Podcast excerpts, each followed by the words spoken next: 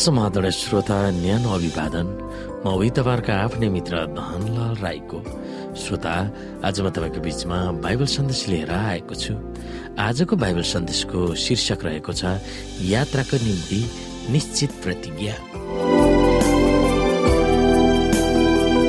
निश्चय नै तपाईँको भलाइ र करुणा मेरो जीवनभरि म पछि लाग्नेछ र परमप्रभुको घरमा म सदा सर्वदै रहनेछु।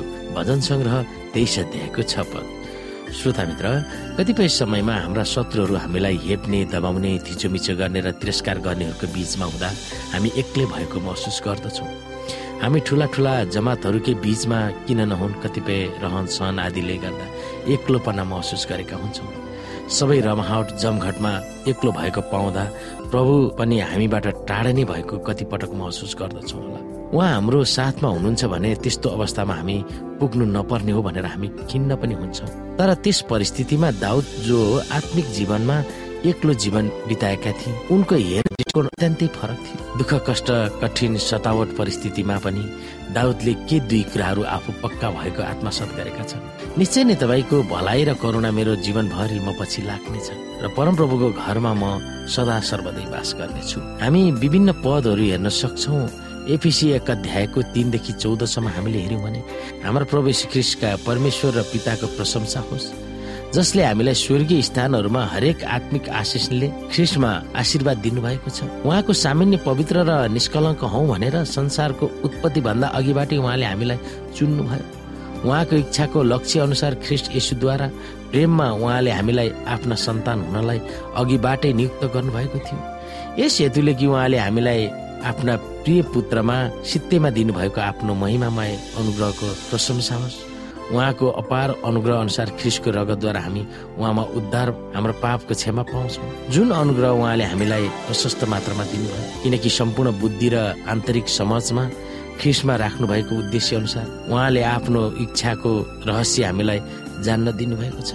ताकि समय पुरा भएपछि स्वर्ग र पृथ्वीमा भएका सबै थोकहरू ख्रिसको अधीनमा जाउन् उहाँमा जसले सबै कुरा आफ्नो इच्छाको योजना अनुसार पुरा गर्नुहुन्छ। आफ्नो अभिप्राय अनुसार हामी ख्रिसमा पहिलेदेखि आशा राख्नेहरूलाई उहाँले आफ्नो महिमाको प्रशंसाको निम्ति जिउन सकौँ भनेर उहाँमा नै नियुक्त गर्नुभएको छ र छान्नु भएको छ। तिमीहरू जसले सत्यको वचन अर्थात् आफ्नो मुक्तिको सुसमाचार सुन्यौ र उहाँमा विश्वास गर्यो उहाँमा नै तिमीहरूलाई प्रतिज्ञा गरिएका पवित्र आत्माको छाप लगाइएको थियो।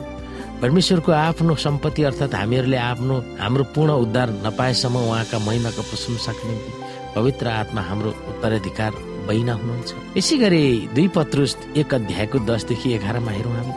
यसै कारण भाइ हो तिमीहरूको बोलावट र चुनाव निश्चय गर्नलाई अझ जोसिला हो किनकि यो कुरा गर्नलाई तिमीहरू कहिले लड्ने छैनौ किनभने यसरी हाम्रा प्रभु र मुक्तिदाता ख्रिसको अनन्त राज्यभित्र तिमीहरूलाई भव्य स्वागत साथ प्रवेश मिल्नेछ। प्रतिज्ञा गरिएको कुरा प्राप्त नगरी यिनीहरू सबै विश्वासीमा मरे तर टाढैबाट त्यसलाई देखेर स्वागत गरी तिनीहरूले मानिलिए कि तिनीहरू यस पृथ्वीमा परदेशी वा प्रवासी थिए।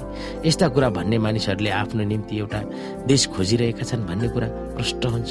जुन देशबाट तिनीहरू निस्केर गएका थिए यदि तिनीहरूले त्यही देशको विषयमा सोचेका भए तिनीहरूलाई फर्किजाने मौका मिल्ने थियो। तर तिनीहरू अझ उत्तम देश अर्थात् एक स्वर्गीय देशको इच्छा गर्छन्। यसै कारण परमेश्वर तिनीहरूका परमेश्वर भनी पुकारिनु शर्माउनुहुन्न।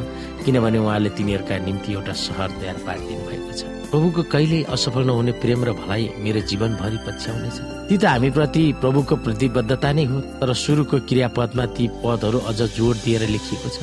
प्रभुको भलाइ सफल प्रेम र हित मेरो जीवनभरि पिछा गर्नेछ र खोजी नै रहनेछन् भनेको छ। प्रभुले हाम्रो पिछा गर्ने हिब्रू भाषाको क्रियापदले स्पष्ट गरेको छ।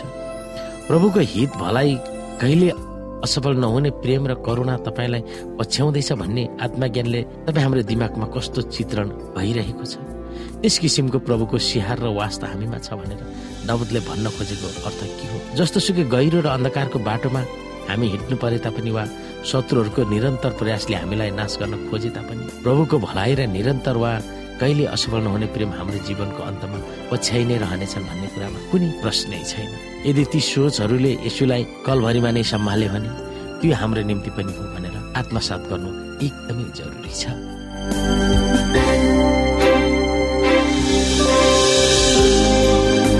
श्रोता साथी आजको लागि बाइबल सन्देश यति नै। हस्त नमस्ते जय मसिंह।